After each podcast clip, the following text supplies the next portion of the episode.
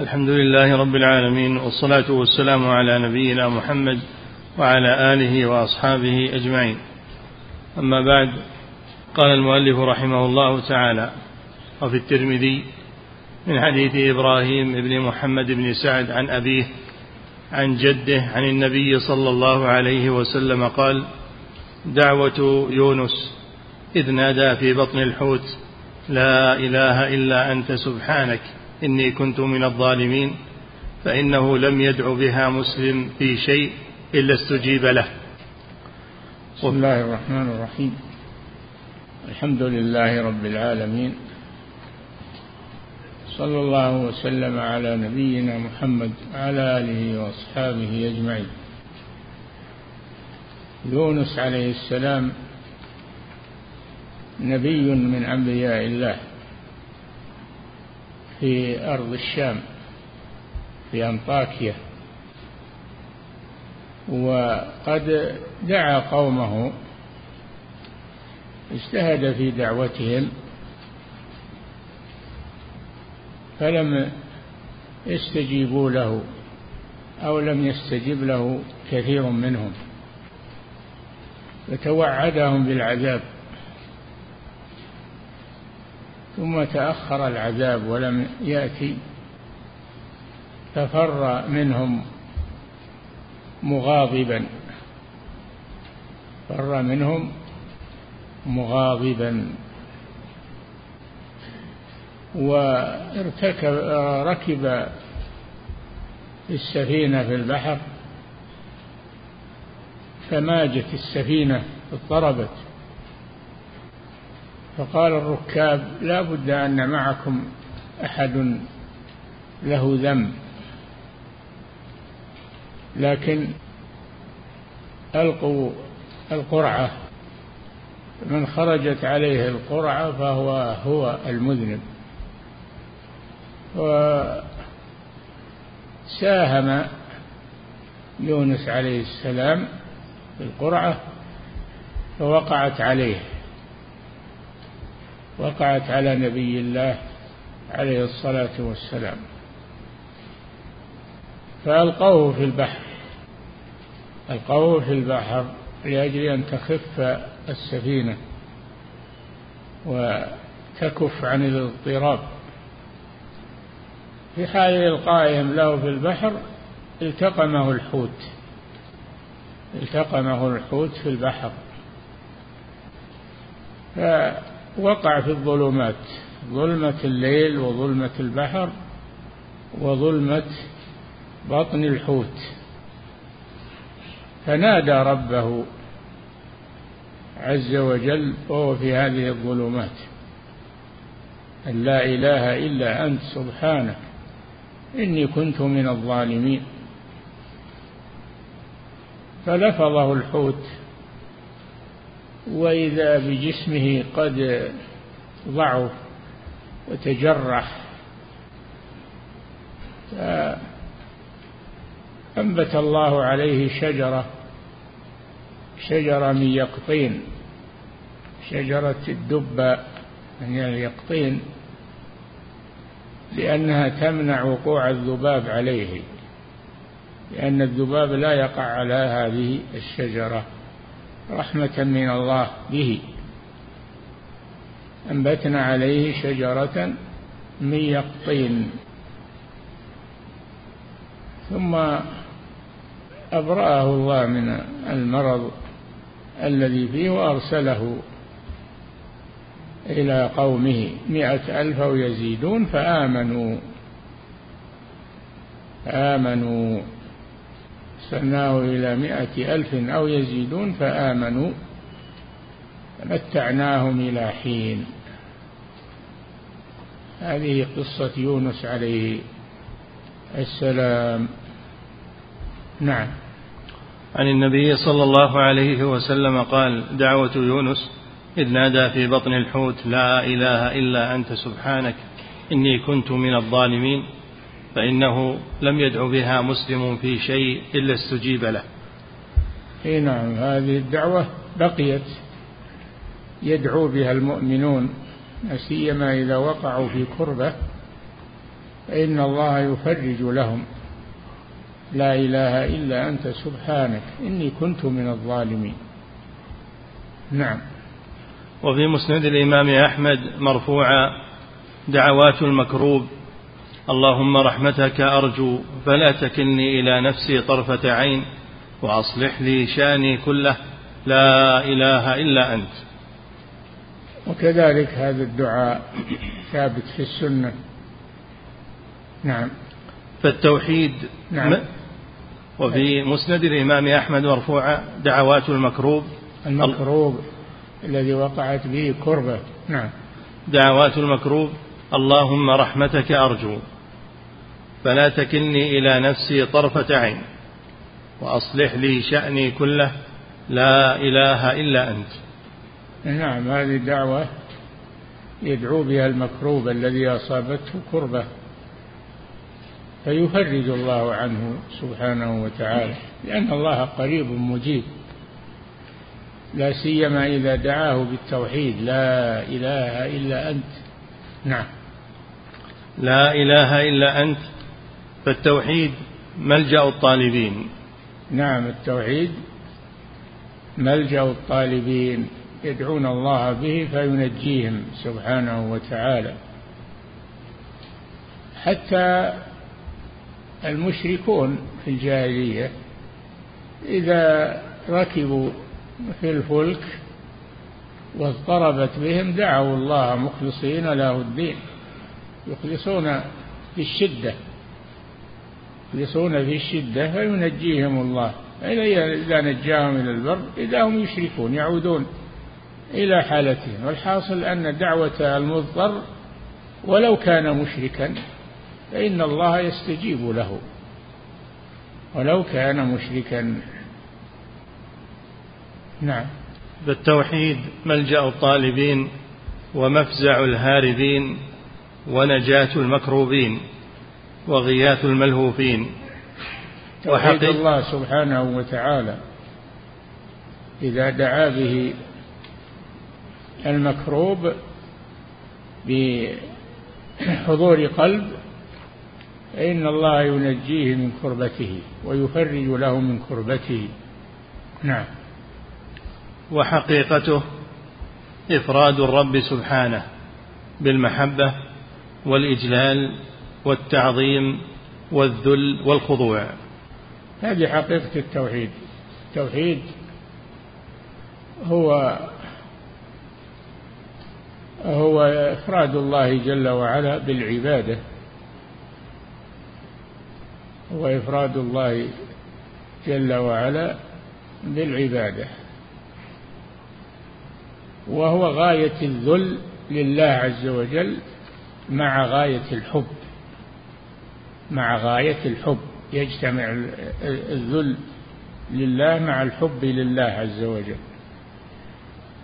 هذا أصل التوحيد وأصل العبادة.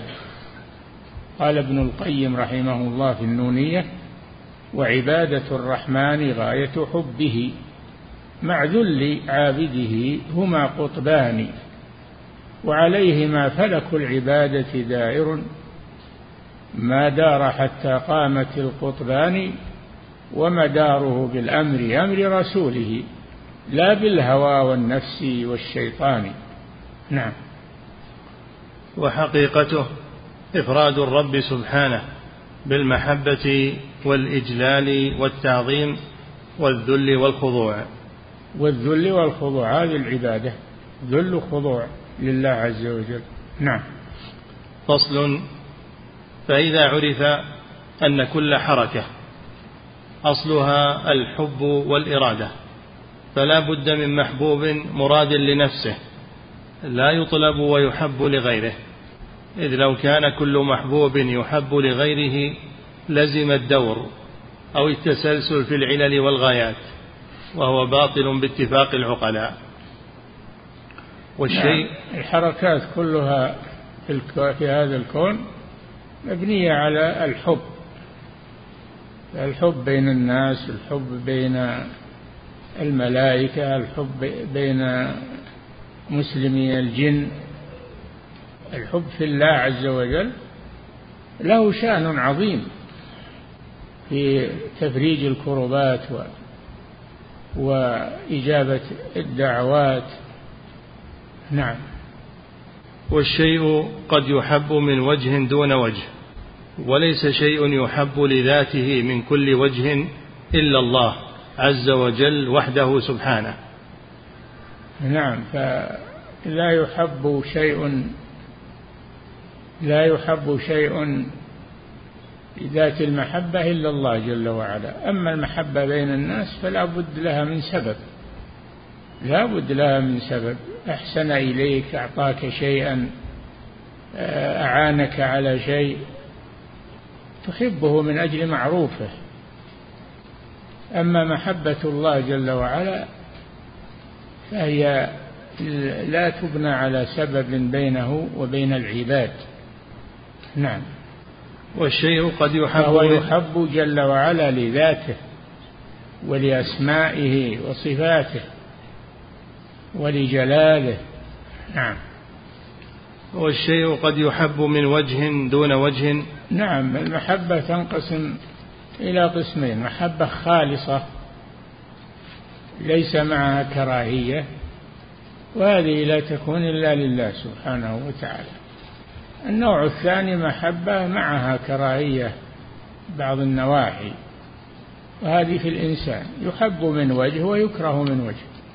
يحب لما فيه من الخير ويكره لما فيه من الشر والاعتداء وغير ذلك. يجتمع فيه محبة وكراهية. هذا في المخلوق. نعم. والشيء قد يحب من وجه دون وجه وليس شيء يحب لذاته من كل وجه إلا الله عز وجل وحده. نعم. الذي لا تصلح الألوهية إلا له. فلو نعم. فلو كان الألوهية الألوهية والإله مأخوذ من الولة وهو المحبة. من الولة وهو المحبة. وهذا لله سبحانه وتعالى فهو يحب لذاته ولأسمائه وصفاته ويحب لإنعامه وإحسانه. نعم. الله عز وجل وحده الذي لا تصلح الألوهية إلا له. فلو كان في السماوات والأرض آلهة إلا الله فسدتا.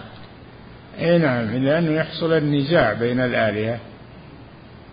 يحصل النزاع بين الآلهة والمغالبة فيفسد الكون.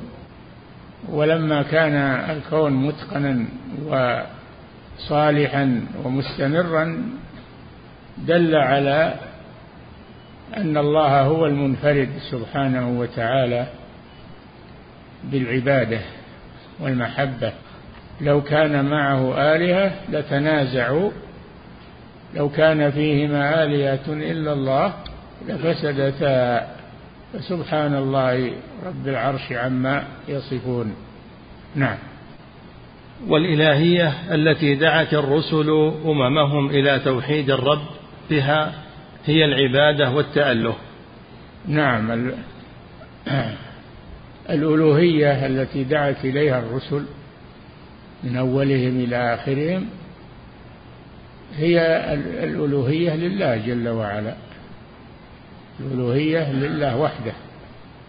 هو الذي يحب جل وعلا من كل وجه لنعمه وإحسانه ولذاته ولأسمائه وصفاته فهو يحب جل وعلا محبة خالصة.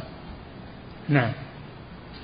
والإلهية التي دعت الرسل أممهم إلى توحيد الرب بها هي العبادة والتأله ومن لوازمها توحيد الربوبية الذي أقر به المشركون. نعم التوحيد ثلاثة أنواع. توحيد الربوبية وهو توحيد الله بأفعاله سبحانه توحيد الألوهية وهو توحيد الله جل وعلا بأفعال العباد التي شرعها لهم في الصلاة والصيام والحج وغير ذلك. توحيد الأسماء والصفات وهو أن يثبت لله جل وعلا من الأسماء والصفات ما أثبته لنفسه وينزه عن النقائص والعيوب. ليس كمثله شيء وهو السميع البصير. نعم. ومن لوازمها توحيد الربوبية الذي أقر به المشركون فاحتج الله عليهم به فإنه المشركون يقرون بتوحيد الربوبية ما يجحده أحد. ومن أنكره ظاهرا فهو معترف به باطنا. لأن هذا الكون لا يمكن أن يقوم بنفسه.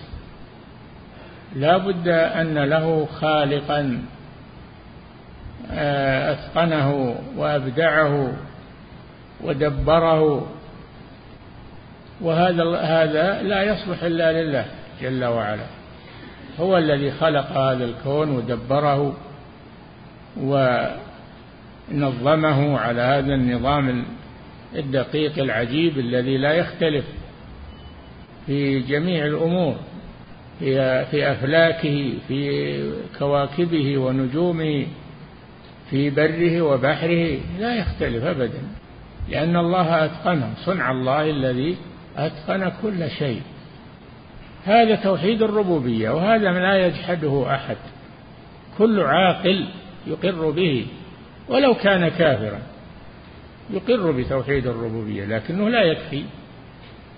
لا بد من توحيد الألوهية والعبادة. فتوحيد الربوبية مستلزم لتوحيد الربوبية. ولذلك يحتج الله جل وعلا به على وجوب عبادته. احتجوا بخلق السماوات والأرض بتدبير الكون بتصريف الأمور. احتجوا بذلك على إلهيته وعبوديته سبحانه. وتوحيد الألوهية متضمن متضمن لتوحيد الألوهية. يدخل فيه توحيد الألوهية. هذه العلاقة بين أنواع التوحيد. نعم. ومن لوازمها توحيد الربوبية الذي أقر به المشركون فاحتج الله عليهم به فإنه يلزم من الإقرار به الإقرار بتوحيد الإلهية. قل من رب السماوات السبع ورب العرش العظيم؟ سيقولون لله. فالله جل وعلا يقول ولئن سألتهم من خلقهم ليقولن الله فأنا يؤفكون. وكذلك آيات كثيرة يحتج الله بها على توحيد الألوهية بتوحيد الربوبية. فمن أقر بتوحيد الربوبية لزمه أن يقر بتوحيد الألوهية. نعم. فصل كما قال جل وعلا يا أيها الناس اعبدوا ربكم الذي خلقكم والذين من قبلكم لعلكم تتقون الذي جعل لكم الأرض فراشا والسماء بناء وأنزل من السماء ماء فأخرج به من الثمرات رزقا لكم فلا تجعلوا لله أندادا يعني شركاء. وأنتم تعلمون أنه لا شريك له في هذه الأمور. نعم. فصل وكل حي فله إرادة وعمل بحسبه وكل متحرك فله غاية يتحرك إليها ولا صلاح له إلا أن تكون غاية حركته ونهاية مطلبه هو الله وحده. نعم. كما لا وجود له إلا أن يكون الله وحده هو ربه وخالقه فوجوده بالله وحده. وكماله هو الذي أوجده الله هو الذي أوجد هذا الإنسان وخلقه وأنعم عليه. ومع هذا أشرك بالله عز وجل وجعل له أندادا وسوى هذه الأنداد بالله. تعالى الله عن ذلك مع أنه لا ند له ولا شبيه له ولا شريك له. نعم. فوجوده بالله وحده وكماله أن يكون لله وحده. نعم. فما لا يكون به لا يكون وما لا يكون له لا ينفع ولا يدوم. ولهذا نعم. ولهذا قال تعالى لو كان فيهما آلهة إلا الله لفسدتا ولم يقل لعدمتا. أم اتخذوا من الأرض آلهة هم ينشرون؟ لو كان فيهما آلهة إلا الله لفسدتا. يحصل النزاع بين الشركاء فيفسد هذا الكون. ولا بد أن يتغلب المغالبة. لا بد أن يغلب قويهم ضعيفهم. فيحصل النزاع فيفسد الكون هذا. الكون ما فسد ولله الحمد. الكون متقن. الكون منضبط. فهذا دليل على وحدانية الله الذي خلقه وأوجده ونظمه ودبره وأنه هو المستحق للعبادة. دون العاجز الفقير الذي لا يقدر على أن يصلح نفسه. نعم. ولهذا قال تعالى لو كان فيهما آلهة إلا الله لفسدتا إلا الله يعني غير الله أو مع الله لفسدتا السماوات والأرض. نعم. ولم يقل لعدمتا إذ هو سبحانه قادر على أن يبقيهما على وجه الفساد لكن لا يمكن أن تكونا صالحتين إلا بأن يكون فاطرهما وخالقهما هو المعبود وحده لا شريك له. نعم. فإن صلاح الأعمال والحركات بصلاح نياتها ومقاصدها فكل عمل فهو تابع لنية عامله وقصده وإرادته. نعم. وتقسيم الأعمال إلى صالح وفاسد. ولهذا قال صلى الله عليه وسلم إنما الأعمال بالنيات. وإنما لكل امرئ ما نوى. فالذي ليس له نية هذا مجنون أو أو مخبول يتحرك بدون نية وبدون ما يتحرك أحد إلا بنية. بنية تديره وتوجهه. نعم. فإن صلاح الأعمال والحركات بصلاح نياتها ومقاصدها فكل عمل فهو تابع لنية عامله وقصده وإرادته وتقسيم الأعمال إنما الأعمال بالنيات وإنما لكل امرئ ما نوى. أما الأعمال التي ليس معها نيات من العامل فهي حركات ضائعة مثل حركات المجنون والمخبول. نعم. وتقسيم الأعمال إلى صالح وفاسد هو باعتبارها في ذواتها تارة وباعتبار مقاصدها ونياتها تارة.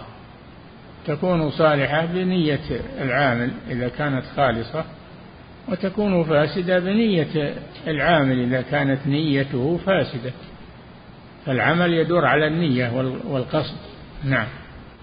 وأما تقسيم المحبة والإرادة إلى نافعة وضارة فهو باعتبار متعلقها ومحبوبها ومرادها. فإن كان, البح فإن كان المحبوب المراد هو الذي لا ينبغي أن يحب لذاته ويراد لذاته إلا هو وهو المحبوب الأعلى الذي لا صلاح للعبد ولا فلاح ولا نعيم ولا سرور بأن يكون هو وحده محبوبه ومراده وغاية مطلوبه كانت محبته نافعة له. وهي محبة الله جل وعلا. هذا ما يصلح إلا لله. نعم. وإن كان محبوبه ومراده ونهاية مطلوبه غيره. غير الله. نعم. كانت محبته ضارة له وعذابا وشقاء. فالمحبة النافعة. تنقلب عداوة يوم القيامة. الأخلاء يومئذ بعضهم لبعض عدو.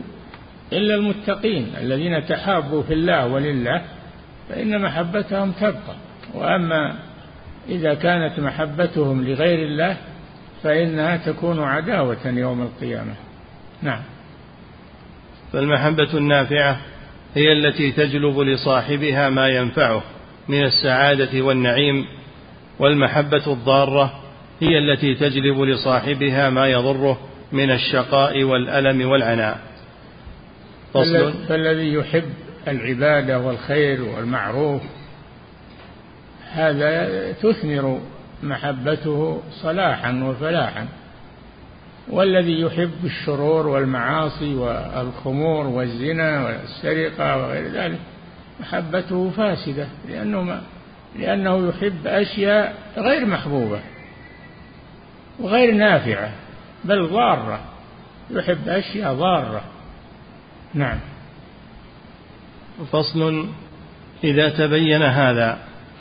فالحي العالم الناصح لنفسه لا يؤثر محبة ما يضره ويشقى به ويتألم به. الحي يعني المخلوق. الحي العاقل.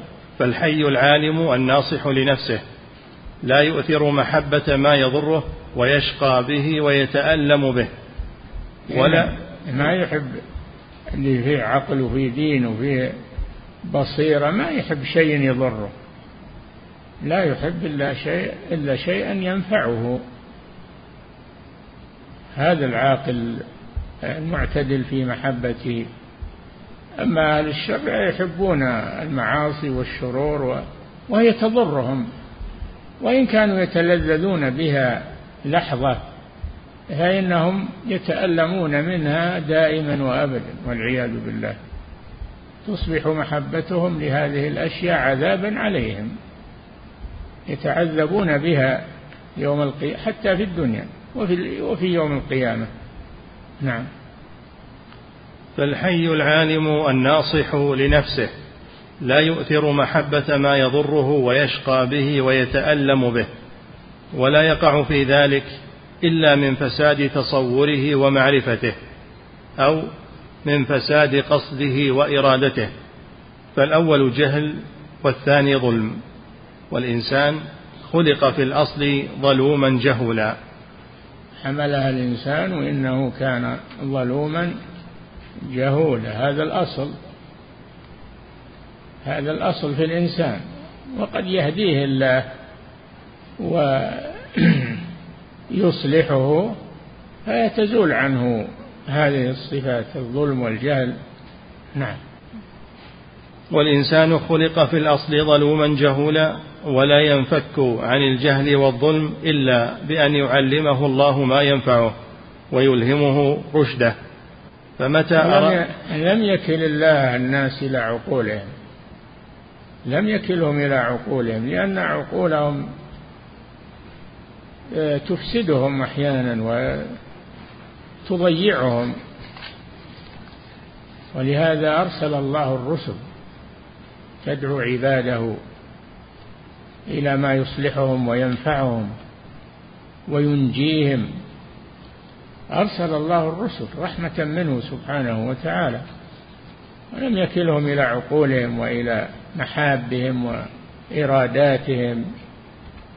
نعم. والإنسان خلق في الأصل ظلوما جهولا ولا ينفك عن الجهل والظلم إلا بأن يعلمه الله ما ينفعه ويلهمه رشده. فمتى أراد به الخير علمه ما ينفعه فخرج به من الجهل ونفعه بما علمه فخرج من الظلم. نعم. ومتى لم يرد به خيرا؟ أبقاه على أصل الخلقة كما في المسند. أصل الخلقة أنه ظلوم جهول وتتغير هذه الخلقة على يد الدعاة والمصلحين من الأنبياء والمرسلين والعلماء والصالحين. نعم. ومتى لم يرد به خيرا أبقاه على أصل الخلقة كما في المسند من حديث عبد الله بن عمرو رضي الله عنهما عن النبي صلى الله عليه وسلم قال إن الله خلق خلقه في ظلمة ثم ألقى عليهم من نوره فمن أصابه ذلك النور اهتدى ومن أخطأه ضل. خلق الله الخلق في ظلمة ثم ألقى عليهم من نوره سبحانه. الله نور السماوات والأرض. فيلقي عليهم النور من أصابه هذا النور اهتدى وصلح واستقام ومن أخطأه هذا الظلم بقي في الظلمة دائما وابدا. نعم. فالنفس تهوى ما يضرها ولا ينفعها لجهلها بمضرته لها تارة. ولفساد قصدها تارة ولمجموعهما تارة. نعم النفس تحب ما يضرها وما يشقيها. لكن إذا هداها الله وبصرها فإنها تنجو من هذا المصير. وإلا فالنفس كما قال الله جل وعلا لأم إن النفس لأمارة بالسوء إلا ما رحم ربي. فالأنفس ثلاث على على ثلاث درجات. نفس آه، لوامة ونفس مطمئنة ونفس أمارة بالسوء. نفس أمارة بالسوء. هذه النفس الخبيثة. نفس لوامة إذا وقعت في شيء مخالف تلوم صاحبها وتوبخ صاحبها حتى يتوب إلى الله عز وجل. ونفس مطمئنة هذه أعلى الدرجات. نفس مطمئنة إلى صالحها ومصالحها وخيرها. وهذه أعلى الأنفس. نعم. فالنفس تهوى ما يضرها ولا ينفعها لجهلها بمضرته لها تارة ولفساد قصدها تارة ولمجموعهما تارة وقد نعم. ذم الله تعالى في كتابه من أجاب داعي الجهل والظلم فقال فقال سبحانه فإن لم يستجيبوا لك فاعلم أنما يتبعون أهواءهم ومن أضل ممن اتبع هواه بغير هدى من الله إن الله لا يهدي القوم الظالمين. قال الله جل وعلا لنبيه محمد صلى الله عليه وسلم فإن لم يستجيبوا لك فاعلم انما يتبعون اهواءهم هواهم هو الذي أخرجهم من من الخير إلى الشر ومن الجنة إلى النار الهوى والعياذ بالله. أفرأيت من اتخذ إلهه هواه؟ أفأنت تكون عليه وكيلا؟ أفرأيت من اتخذ إلهه هواه وأضله الله على علم وختم على سمعه وبصره؟ وختم على سمعه وجعل على بصره غشاوة. فمن يهديه من بعد الله؟ أفلا تذكرون؟ نعم. وقال تعالى فإن لم يستجيبوا لك فاعلم أنما يتبعون أهواءهم ومن أضل ممن اتبع هواه بغير هدى من الله. إن الله لا يهدي القوم الظالمين. أما إذا كان الهوى تابع لما جاءت به الرسل فإنه هوى نافع. أما إذا كان مخالفا لما جاءت به الرسل فهذا هو الهوى الضار الذي حذر الله منه. نعم. وقال سبحانه وتعالى إن يتبعون إلا الظن وما تهوى الأنفس ولقد جاءهم من ربهم الهدى. وما تهوى الأنفس هذا الهوى. يتبعون إلا الظن ظن النفوس. ما بنوا اتباعهم على هدى وعلى علم بنوه على ظن. والظن أكذب الحديث. نعم. يتبعون إلا الظن وما تهوى الأنفس ولقد جاءهم من ربهم الهدى. جاءهم من ربهم الهدى الذي يحذرهم من اتباع الظن واتباع هوى النفوس. نعم. فأصل كل خير هو العلم والعدل وأصل كل شر هو الجهل والظلم. نعم. وقد جعل الله سبحانه للعدل المأمور به حدا. فمن تجاوزه كان ظالما معتديا وله من الذم والعقوبة بحسب ظلمه وعدوانه الذي خرج به عن العدل. ولهذا قال سبحانه وتعالى وكلوا واشربوا ولا تسرفوا إنه لا يحب المسرفين. يا بني آدم خذوا زينتكم عند كل مسجد والزينة هنا المراد بها ستر العورات. عند كل مسجد عند كل صلاة. ولهذا من شروط صحة الصلاة ستر العورة مع القدرة. على ذلك خذوا زينتكم عند كل مسجد وكلوا واشربوا مما أباح الله. ولا تسرفوا تتجاوزوا الحد في الأكل والشرب. إنه لا يحب المسرفين. نعم. وقال سبحانه في من ابتغى سوى زوجته أو ملك يمينه فمن ابتغى وراء ذلك فأولئك هم العادون. والذين هم لفروجهم حافظون. حافظون لها عن الزنا. والذين هم لفروجهم حافظون إلا على أزواجهم. فإن الله أباح لهم زوجاتهم أو ما ملكت أيمانهم بالتسري. فالوطء لا يكون إلا الوطء الشرعي لا يكون إلا بأحد أمرين إما آه، الزواج عقد الزواج وإما الملك ملك اليمين. ملك اليمين يتسرى بمملوكته. هذا جائز. ملك يملك, يملك منافعها ومن منافعها أنه يتسرى بها. ويتعفف بها عن الزنا. نعم. فمن ابتغى وراء ذلك فأولئك هم العادون. من ابتغى وراء ذلك من ابتغى المتعة بغير بغير عقد النكاح أو ملك اليمين فأولئك هم العادون المعتدون لحدود الله عز وجل. نعم. ومن الحلال إلى الحرام. عادي يعني هذا يعدو الحلال إلى الحرام. نعم.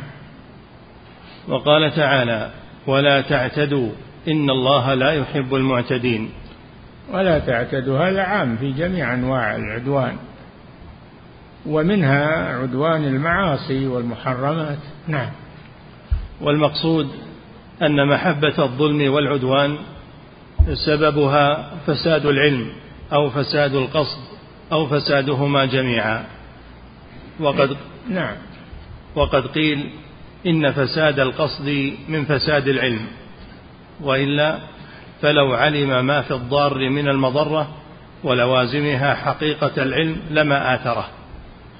نعم. ولهذا من علم من طعام شهي لذيذ أنه مسموم فإنه لا يقدم عليه. فضعف علمه بما في الضار من وجوه المضرة وضعف عزمه على اجتنابه يوقعه في ارتكابه. ولهذا يكون الطعام لذيذا وطي يعني شهيا لكنه مسموم يقتل صاحبه. العاقل لا يقربه لأجل لذته أو لأجل طعمه لا يقربه وهو يعلم أنه مسموم. إنما يقع فيه من لا يبالي. نعم. ولهذا كان الإيمان الحقيقي هو الذي يحمل صاحبه على فعل ما ينفعه وترك ما يضره. الإيمان بالله الإيمان الحقيقي الصحيح هو الذي يمنع صاحبه عما يضره ويقصره على ما ينفعه. هذا هو الإيمان بالله عز وجل. نعم. ولهذا كان الإيمان الحقيقي هو الذي يحمل صاحبه على فعل ما ينفعه وترك ما يضره. فإذا لم يفعل هذا ولم يترك هذا لم يكن إيمانه على الحقيقة وإنما معه من الإيمان بحسب ذلك. معه إيمان ناقص لا يمنعه من الرذائل ومن نعم.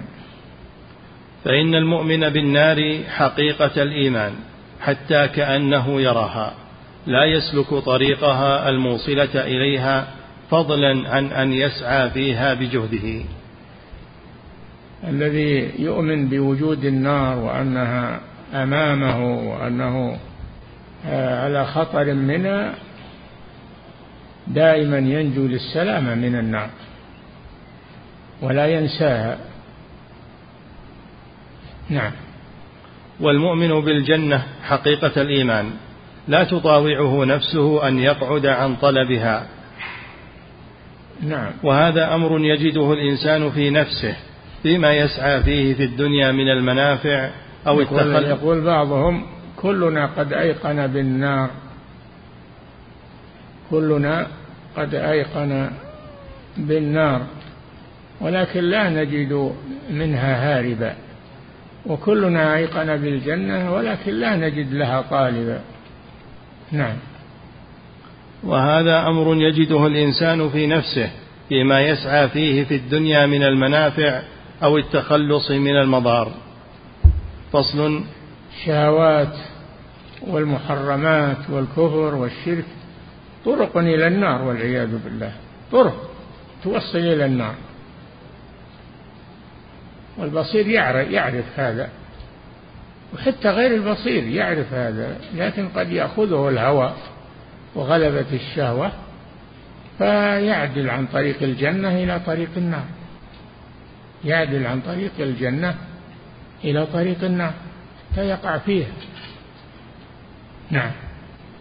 فصل إذا تبين هذا فالعبد أحوج شيء إلى معرفة ما يضره ليجتنبه وما ينفعه ليحرص عليه ويفعله. فيحب النافع ويبغض الضار. اي نعم. ولا ولا يحصل هذا إلا بالعلم النافع الذي جاء به الرسول صلى الله عليه وسلم. هو الذي به تعرف ما يضرك فتجتنبه وتعرف ما ينفعك فتتبعه نعم. ما له طريق إلا طريق الرسول صلى الله عليه وسلم. الجنة ما له طريق إلا عن طريق الرسول صلى الله عليه وسلم. والنار طريقها شياطين الجن والإنس من تبعهم أوقعوه فيها. والذي يتبع الرسل هذا يصل إلى الجنة وينجو من النار. ولكن هذا يحتاج إلى توفيق الله سبحانه صلاح النية وقمع النفس عن اتباع الهوى والشهوات. هذا يحتاج إلى إيمان قوي. نعم. فالعبد أحوج شيء إلى معرفة ما يضره ليجتنبه وما ينفعه ليحرص عليه ويفعله فيحب النافع ويبغض الضار فتكون محبته وكراهته موافقتين لمحبة الله تعالى وكراهته. وهذا فما يحبه الله يفعله وما يكرهه الله يجتنبه. نعم. فتكون محبته وكراهته موافقتين لمحبة الله تعالى وكراهته وهذا من لوازم العبودية والمحبة. نعم. ومتى خرج عن ذلك؟ أحب ما يسخط ربه وكره ما يحبه فنقصت عبوديته بحسب ذلك. نعم. وها هنا طريقان. العقل والشرع.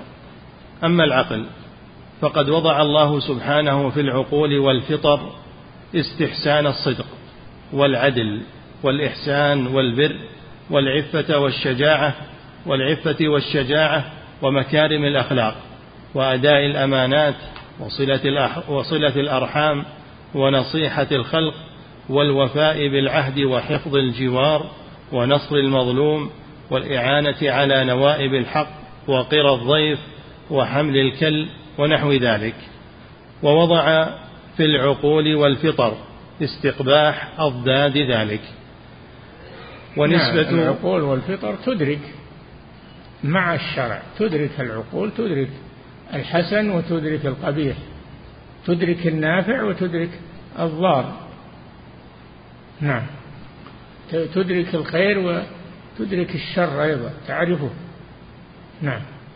ونسبة هذا الاستحسان والاستقباح إلى العقول والفطر كنسبة استحسان شرب الماء البارد عند الظمأ وأكل الطعام اللذيذ النافع عند الجوع ولبس ما يدفئه عند البرد. فكما لا يمكنه أن يدفع عن نفسه وطبعه استحسان ذلك ونفعه فكذلك لا يدفع عن نفسه وفطرته استحسان صفات الكمال ونفعها واستقباح أضدادها.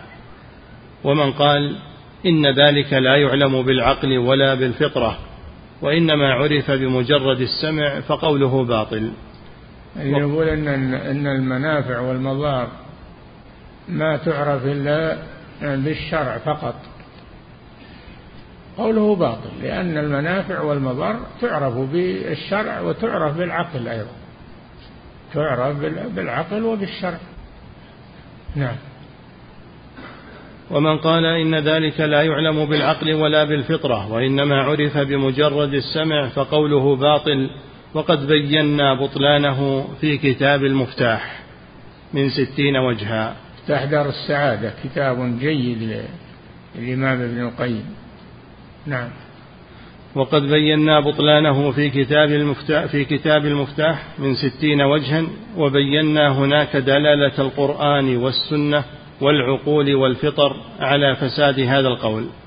نعم. والطريق الثاني لمعرفة الضار والنافع من الأعمال السمع. العقل الشرع يعني السمع يعني الشرع. نعم. والطريق الثاني لمعرفة الضار والنافع من الأعمال السمع. وهو أوسع وأبين وأصدق من الطريق الأول. أصدق من العقل. نعم. وهو أوسع وأبين وأصدق من الطريق الأول لخفاء صفات الأفعال وأحوالها ونتائجها وأن العالم بذلك على التفصيل ليس ليس هو إلا الرسول صلوات الله وسلامه عليه. فأعلم الناس وأصحهم عقلا ورأيا واستحسانا. من كان عقله ورأيه واستحسانه وقياسه موافقا للسنة. نعم. السنة. سنة الرسول صلى الله عليه وسلم هي الميزان لمعرفة الضار والنافع. نعم. فأعلم الناس وأصحهم عقلا ورأيا واستحسانا. من كان عقله ورأيه واستحسانه وقياسه موافقا للسنة كما قال مجاهد أفضل العبادة الرأي الحسن وهو اتباع السنة. نعم. قال تعالى ويرى الذين أوتوا العلم الذي أنزل إليك من ربك هو الحق. ويرى الذين أوتوا العلم الذي أنزل إليك من ربك هو الحق ويهدي إلى صراط العزيز الحميد. نعم. ما يراه إلا أهل العلم. أما الجهال ما يرون هذا الشيء. نعم. وكان السلف يسمون أهل الآراء المخالفة للسنة وما جاء به الرسول في مسائل العلم الخبرية ومسائل الأحكام العملية يسمونهم أهل الشبهات والأهواء. نعم. وكان السلف يسمون أهل الآراء المخالفة للسنة.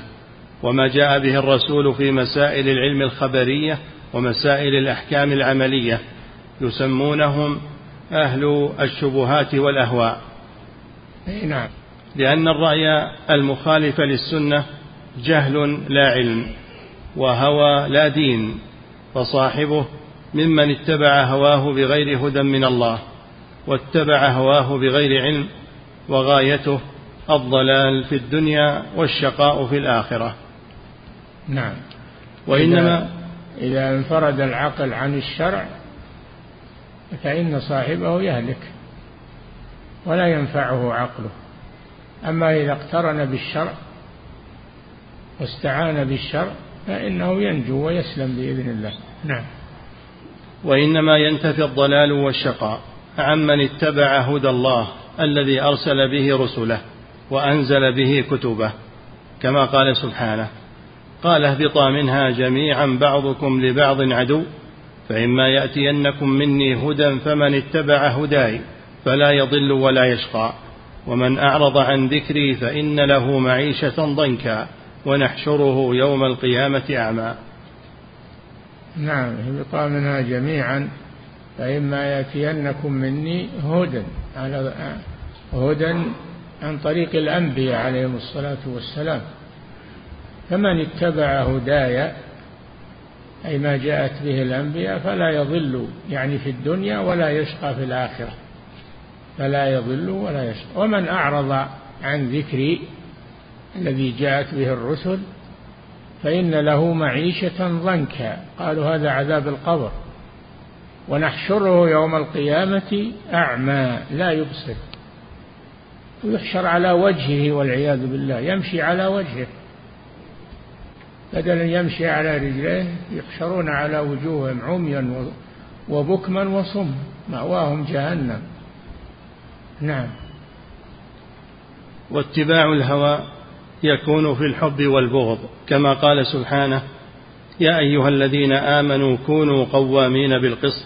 نعم واتباع. واتباع الهوى يكون في الحب والبغض كما قال تعالى يا يعني يحب الباطل ويبغض الحق. اللي يتبع هواه هكذا. يبغض الحق ويحب الباطل. نعم. واتباع الهوى يكون في الحب والبغض كما قال سبحانه يا أيها الذين آمنوا كونوا قوامين بالقسط شهداء لله ولو على أنفسكم أو الوالدين والأقربين. إن يكن غنيا أو فقيرا فالله أولى بهما.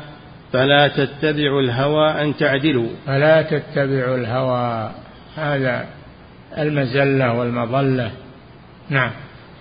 وإن تلووا أو تعرضوا فإن الله كان بما تعملون خبيرا. إذا أعرضتم عن الحق فإن الله توعدهم أنه خبير بما يعملون ولن يتركهم. نعم. وقال سبحانه يا أيها الذين آمنوا كونوا قوامين لله شهداء بالقسط. يكفي نقف عند فضيلة الشيخ وفقكم الله.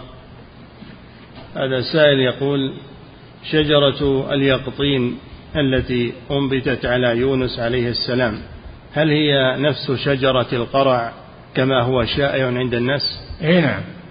يقولون هي شجرة الدبة اللي يسمونها النجد لأن النجد ما يقع عليها الذباب أبدا. حط بالك صار عندك شجرة نجدة ما يقع عليها الذباب. هي شجرة اليقطين. نعم. فضيلة الشيخ وفقكم الله هذا سائل يقول كيف الجمع بين أن الله سبحانه وتعالى قد يستجيب دعوة المشرك المكروب إذا دعاه وكذلك العاصي إذا دعاه؟ وبين ما ورد في الحديث القدسي في الرجل الأشعث الأغبر الذي يمد يديه إلى السماء يمد يديه إلى السماء ومطعمه حرام ومشربه حرام فأنى يستجاب لذلك. يستجيب دعوتهم في حال الشدة المشركين والكفار لأنهم يدعون الله مخلصين في الشدة فيستجيب دعاءهم. وأما في حالة الرخاء فيشركون بالله عز وجل. نعم. فضيلة الشيخ وفقكم الله دعوة ذي النون لا إله إلا أنت سبحانك إني كنت من الظالمين. هل هي اسم الله الأعظم؟ لا ما ما أعرف هذا. اسم الله الأعظم الحي القيوم. حي القيوم. يقولون هذا هو اسم الله الأعظم. الحي ترجع له جميع صفات الكمال والقيوم ترجع إليه كل صفات الأفعال. نعم. فضيلة الشيخ وفقكم الله هذا سائل يقول هل نستطيع أن نقول إننا نحب الله عز وجل لأنه خلقنا ورزقنا؟ هل هذه المحبة تكون لتفضله سبحانه علينا فهي محبة بسبب مصلحة حاصلة؟ يحبون الله جل وعلا لذاته ولأسمائه وصفاته ولأفعاله يحب سبحانه من كل وجه. نعم. فضيلة الشيخ وفقكم الله. هذا سائل يقول هل دعاء الوالد والوالدة دعاؤهما لولدهما مستجاب حتى ولو كان الوالدان عصاة لله؟ إي نعم. دعوة الوالد على ولده مستجابة. يحذر الإنسان أن يحمل والديه على أن يدعو عليه لأن دعوتهما دعوتهما مستجابة. نعم. فضيلة الشيخ وفقكم الله. لأنهما لا يدعوان عليه إلا وقد عقهما وأخطأ في حقهما. نعم. فضيلة الشيخ وفقكم الله. هذا سائل يقول كيف الجمع بين قوله عز وجل ولقد خلقنا الإنسان في أحسن تقويم وبين قوله سبحانه وكان الإنسان ظلوم إنه كان ظلوما جهولا. أحسن تقويم يعني في جسمه وحواسه متكامل الإنسان في سمعه وبصره وعقله وجسمه وأعضائه اعتداله يمشي ويركض على رجلين. من اللي يمسك على هذا الخلق وهذا؟ ما يطيح. الله جل وعلا. نعم. جعل فيه توازن في جسمه. جعل جسمه متوازنا. نعم. فضيلة الشيخ وفقكم الله هذا سائل يقول في قوله عز وجل فمن ابتغى وراء ذلك فأولئك هم العادون يقول هل العادي هو من ارتكب كبيرة من الكبائر؟ وهل تعد العادة السرية من هذا الباب؟ إي نعم. تدخل في قوله فمن ابتغى وراء ذلك يعني في غير آه، النكاح وملك اليمين. ما أباح الله الوطء إلا بأحد هذين السببين إما العقد عقد الزوجية وإما ملك اليمين. فالذي يطأ بغيرهما هذا معتدي. أولئك هم العادون. نعم. فضيلة الشيخ وفقكم الله هذا سائل يقول أصلي وأصوم وأفعل الخير وأتجنب المنكرات لكنني لا أستطيع التخلص من فتنة واحدة أبدا يقول وهي فتنة النساء. فما السبيل إلى تستطيع التخلص يا أخي لكن أنت ضعيف ولا تستطيع التخلص. ابتعد عن مجالس النساء وعن أسواق النساء وعن مخالطة النساء. ابتعد عنها تسلم من هذا. نعم. فضيلة الشيخ وفقكم الله هذا سائل يقول ابتليت بالذنوب في الخلوات وحاولت التخلص وأتوب إلى الله ثم أعاود فكيف الخلاص من هذا الأمر؟ تب إلى الله. كل ما أذنبت تتوب. والذين إذا فعلوا فاحشة أو ظلموا أنفسهم ذكروا الله فاستغفروا لذنوبهم من يغفر الذنوب إلا الله. لا تيأس من رحمة الله. إذا عدت للذنب تب إلى الله. إذا عدت مرة ثانية تب إلى الله. نعم. فضيلة الشيخ وفقكم الله هذا السائل يقول كيف يستطيع المسلم أن يصل إلى درجة النفس المطمئنة؟ وما هي علامات هذه النفس؟ علاماتها الأعمال الصالحة والاستقامة على طاعة الله وتوفيق الله. توفيق الله جل وعلا أولا وقبل كل شيء ثم الاستقامة على طاعة الله. نعم. فضيلة الشيخ وفقكم الله هذا السائل يقول هذه الليلة توافق ليلة السابع والعشرين من رجب فهل صحيح أنها هي ليلة الإسراء والمعراج؟ وهل يشرع فيها عبادة بخصوصها؟ لا لم يثبت أن ليلة 27 من رجب هي ليلة الإسراء والمعراج. أخفاها الله سبحانه رحمة بنا من أجل أن لا يتلاعب بنا الخرافيون. ما يدرى أي ليلة. اللي يقول إنها ليلة كذا؟ كذاب وش يدري؟ الإسراء والمعراج نؤمن بهما أما أن نحدد الليلة فهذا لا دليل عليه. الله أخفاها من أجل لا يتعلق بها المخرفون و... نعم. لو كان لنا مصلحة في معرفة تحديدها لبينها الله سبحانه وتعالى. نعم. فضيلة الشيخ وفقكم الله هذا سائل يقول أريد الزواج بفتاة سنية سلفية ولكنها تقول عن أبيها إنه يتعامل بالسحر ويعمل السحر. سؤاله ما نصيحتكم لي في ذلك وكيف أتعامل مع أبيها إذا تزوجت بها؟ ابتعد عنها ابتعد عنها ويرزقك الله غيرها. نعم. فضيلة الشيخ وفقكم الله في قول الله عز وجل إن هي إلا أسماء سميتموها أنتم وآباؤكم ما أنزل الله بها من سلطان.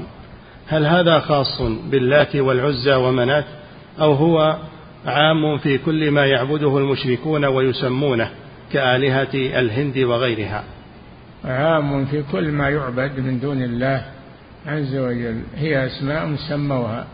ما أنزل الله بها من سلطان. والعبرة بعموم اللفظ لا بخصوص السبب. نعم. فضيلة الشيخ وفقكم الله هذا سائل يقول في قوله عز وجل إلا على أزواجهم أو ما ملكت أيمانهم يقول حفظك الله هناك امرأة كافرة قد وافقت على أن تكون ملك يمين لي وعبدة لي فهل يجوز أن أعاملها على هذا الوصف الذي تريده؟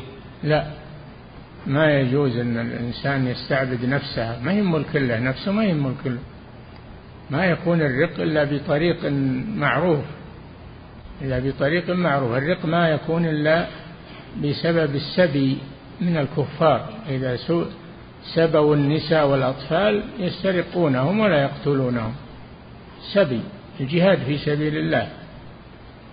ولهذا يقولون الرق عجز حكمي عجز حكمي سببه الكفر. نعم. لما لما أبوا يعبدوا الله جعلهم الله عبيدا للخلق عقوبة لهم. هربوا من الرق الذي خلقوا له فبولوا برق النفس والشيطان. نعم. فضيلة الشيخ وفقكم الله في قوله عز وجل الله نور السماوات والأرض هل صحيح أن النور هو من أسماء الله عز وجل؟ الله نور وأسماؤه نور وكتابه نور. نعم. وحجابه النور سبحانه وتعالى. نعم.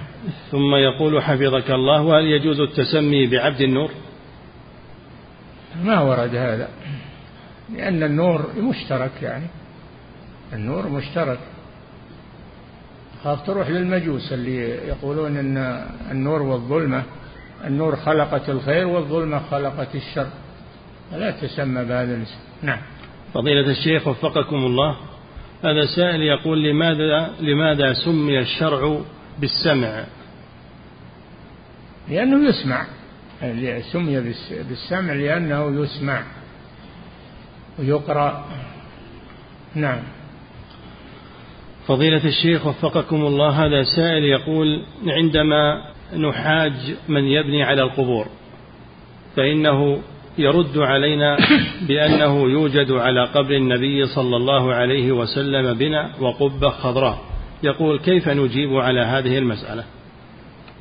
هذا كذاب دجال الرسول ما دفن في المسجد دفن في حجرته حجرة عائشة رضي الله عنها وكانت خارج المسجد. حجرات الرسول خارج مسجده. ولكن لما كان في عهد بني أمية وجدد بناية المسجد النبوي فإن عمر بن عبد العزيز رحمه الله كان أميرا على المدينة. فأدخل الحجرات في المسجد وإلا كانت خارج المسجد. والرسول ما دفن في المسجد دفن في بيته خارج المسجد. نعم. فضيلة الشيخ وفقكم الله هذا سائل يقول إذا ترك إنسان بعض الصلوات المكتوبات ثم تاب من ذلك فهل يلزمه أن يقضيها؟ إذا إذا ترك إنسان بعض الصلوات المكتوبات. إذا تركها متعمدا لا يقضيها ما ورد أنه يقضيها. الرسول صلى الله عليه وسلم يقول من نسي صلاة أو نام عنها فليصليها إذا ذكرها. فدل على أن من تركها متعمدا لا يقضيها لكن يتوب إلى الله ويحافظ على الصلاة. لأنه بتركه إياها متعمدا كفر. قال صلى الله عليه وسلم العهد الذي بيننا وبينهم الصلاة من تركها فقد كفر. نعم. فضيلة الشيخ وفقكم الله جاء عن رسول الله صلى الله عليه وسلم أنه قال من أذن فهو يقيم. يقول هل معنى ذلك أنه لا يجوز أن يقيم غيره؟ يجوز لكن الأولى بالإقامة المؤذن.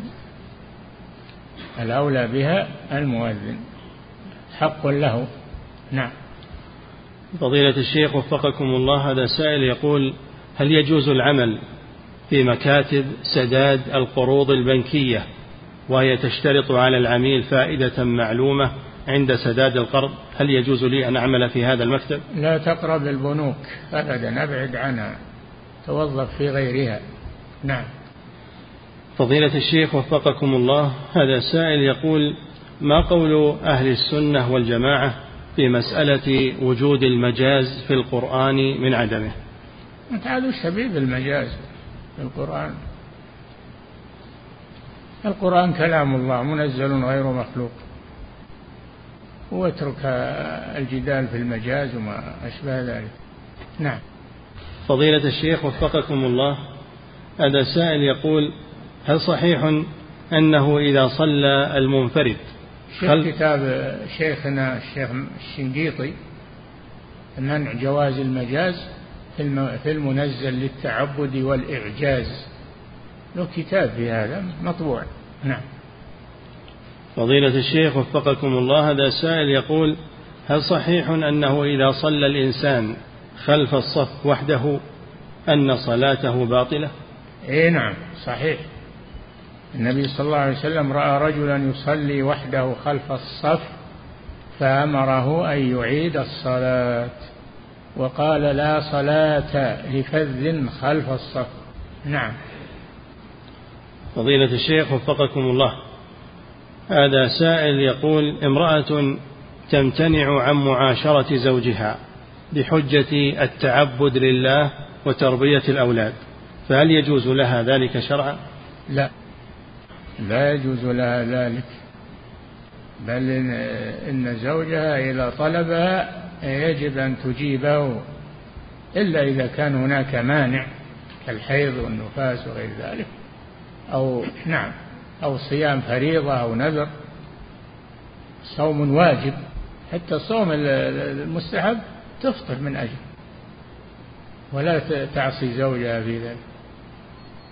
أيما امرأة دعاها زوجها آه، للفراش أو بهذا المعنى فأبت لعنتها الملائكة حتى تصبح.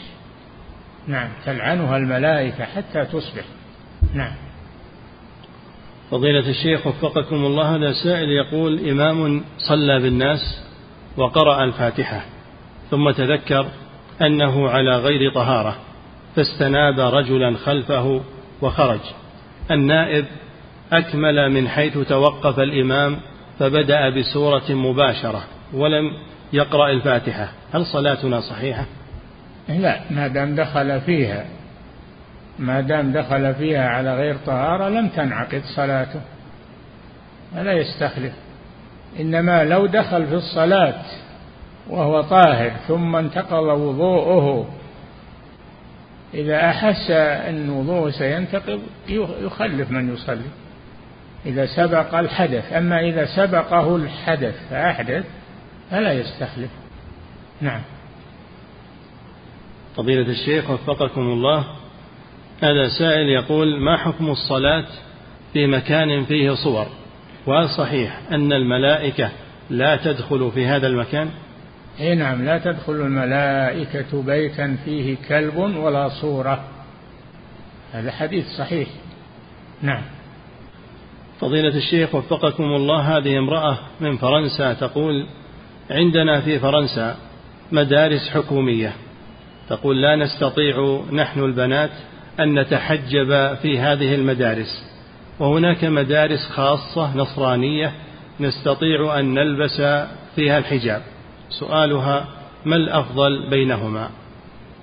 الأفضل أن المسلمين يكونون مدارس لبناتهم على الوجه المشروع ولا يذهبوا إلى المدارس التي تجبر على خلع الحجاب أو مدارس النصارى لا يذهبون إليها.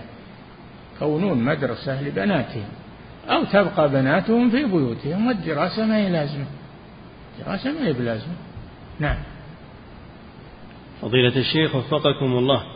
هذا سائل يقول إذا قيل رواه الإمام البخاري في كتاب الأدب أو رواه البخاري في تاريخه هل هذه الأحاديث تكون صحيحة؟ في كتاب الأدب من تاريخه من صحيحه. في كتاب الأدب من صحيح البخاري. وأما في تاريخه هذا تراجم له كتاب اسمه التاريخ يعني تراجم الرواة. تراجم الرواة. وهذا ما هو مثل الصحيح. ما ما يلتزم إنه ما يورد فيه إلا الصحيح. لأنه تاريخ. نعم. فضيلة الشيخ وفقكم الله في قول الرسول صلى الله عليه وسلم أيكم أيكم أما الناس فليخفف. يقول ما الضابط في التخفيف والتطويل في الصلوات؟ التخفيف غير المخل. والتطويل غير الممل. توسط. يتوسط في ذلك بين التطويل وبين التخفيف. نعم. فضيلة الشيخ وفقكم الله هذا سائل يقول إذا كان الإمام يقنت كل يوم في صلاة الصبح وأنا أرى أن هذا من البدع يقول فما الواجب علي؟ وهل لي أن أصلي معه؟ صل معه. نعم وتابعه. صل معه وتابعه. لأن القنوت دعاء. وهذا مذهبه. أنت تمشي على مذهبه في هذا. نعم. فضيلة الشيخ وفقكم الله. هذا سائل من بريطانيا يقول أنا أعمل في شركة أنا أعمل في شركة يوجد فيها الحلال والحرام وتبيع بطاقات للقمار. يقول ما حكم تبيع؟ بطاقات للقمار؟ يقول ما حكم عملي وما حكم راتبي في هذه الشركة؟ ابتعد عنها تلقى وظيفة في غيرها. نعم. فضيلة الشيخ وفقكم الله وهذا أيضا سائل من بريطانيا يقول قبلت في الجامعة الإسلامية ولله الحمد ولكن يمنعني أبي أن أذهب إلى المدينة بسبب أنه يعتبر الدراسة الشرعية تضييع وقت ويقول إذا, إذا ذهبت فسأتبرأ منك. سؤاله ماذا أعمل مع أبي الذي لا يصلي ولا يهتم بأمور الدين أصلا؟ لا لا تطيعه لا تطيعه. اذهب وادرس وتعلم والحمد لله لأنه أمرك بمعصية ما أمرك بطاعة. نعم. ولا طاعة لمخلوق في معصية الخالق. نعم. فضيلة الشيخ وفقكم الله الأذكار التي تكون بعد الصلوات المفروضة هل تقال جهرا أو سرا؟ جهرا. تقال جهرا بعد السلام يجهرون بها. قال ابن عباس رضي الله عنه وكان صغيرا يقول كنا نعرف انصراف الرسول صلى الله عليه وسلم من الصلاة إذا سمعنا الذكر. نعم. فدل على أنهم يجهرون. نعم. فضيلة الشيخ وفقكم الله هذه امرأة تسأل فتقول لي أقارب أخشى من زيارته أخشى من زيارتهم فيعملون لي سحرا. كيف أحصن نفسي قبل زيارة هؤلاء الأرحام؟ لا تذهبي إليهم إذا كانوا يعملون سحر لا تذهبي إليهم تركي تركيهم لا تزورينهم. نعم. فضيلة الشيخ وفقكم الله هذا السائل يقول هل يجوز دفع زكاة المال؟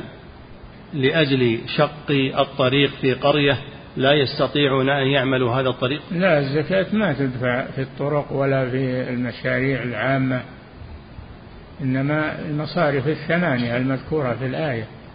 إنما الصدقات للفقراء والمساكين والعاملين عليها والمؤلفة قلوبهم والغارمين وفي سبيل وفي الرقاب وفي سبيل الله والغارمين إنما الصدقات للفقراء والمساكين والعاملين عليها والمؤلفة قلوبهم والغارمين وفي سبيل الله وابن السبيل وفي الرقاب. نعم ثمانية مصارف. ما تخرج عنها الزكاة. نعم. فضيلة الشيخ وفقكم الله هذا سائل يقول من كبر تكبيرة الإحرام إلى أه؟ من كبر تكبيرة الإحرام إلى غير القبلة فهل بعد علمه باتجاه القبلة يستدير إلى القبلة أم يقطع صلاته ويستأنف من جديد؟ إذا كان إلى غير القبلة متأكد فيبدأ الصلاة من جديد. نعم. فضيلة الشيخ الواجب أنه ما يكبر تكبيرة الإحرام إلا بعد ما يعلم جهة القبلة. نعم. فضيلة الشيخ وفقكم الله هذا سائل من الهند يقول عندنا طالب علم في تلك البلاد يقول إن الأذان الأول في يوم الجمعة إنه بدعة كبدعة المولد. يقول هل يجوز أن نطلب العلم عند هذا؟ لا. ما هو بدعة. الأذان الأول أمر به عثمان الخليفة الراشد ثالث الخلفاء الراشدين. النبي صلى الله عليه وسلم يقول عليكم بسنتي وسنة الخلفاء الراشدين المهديين من بعدي. نعم. فهذا جاهل الرجل هذا. لا يعرف سنة الرسول صلى الله عليه وسلم ولا يعرف حق الخلفاء الراشدين. نعم. فضيلة الشيخ وفقكم الله هذا سائل يقول رجل يصوم يوم الخميس ثم يتبعه بصيام الجمعة والسبت فهل يعد هذا أمرا مشروعا؟ نعم. رجل يصوم يوم الخميس ثم يتبعه بصيام الجمعة والسبت فهل يعد هذا إذا أمرا؟ كان يقصد بهذا صيام ثلاثة أيام من كل شهر ويصوم الخميس والجمعة والسبت على أن ثلاثة من الشهر لا بأس. نعم. فضيلة الشيخ وفقكم الله هذا سائل يقول ساعة الإجابة يوم الجمعة هل هي تتنقل في اليوم كليلة القدر؟ أخفاها الله في يوم الجمعة من أجل أن يجتهد المسلم الدعاء في اليوم كله. مثل ما أخفى ليلة القدر في رمضان من أجل أن يجتهد المسلم في كل رمضان. نعم. فضيلة الشيخ وفقكم الله هذا سائل يقول البكاء على الميت هل هو أمر منهي عنه؟ البكاء لا ما هو الرسول صلى الله عليه وسلم بكى على الميت بكى على ابنه إبراهيم. قال إن الله لا يعذب بدمع العين ولا بحزن القلب. وإنما يعذب بهذا يعني اللسان أو يرحم. نعم.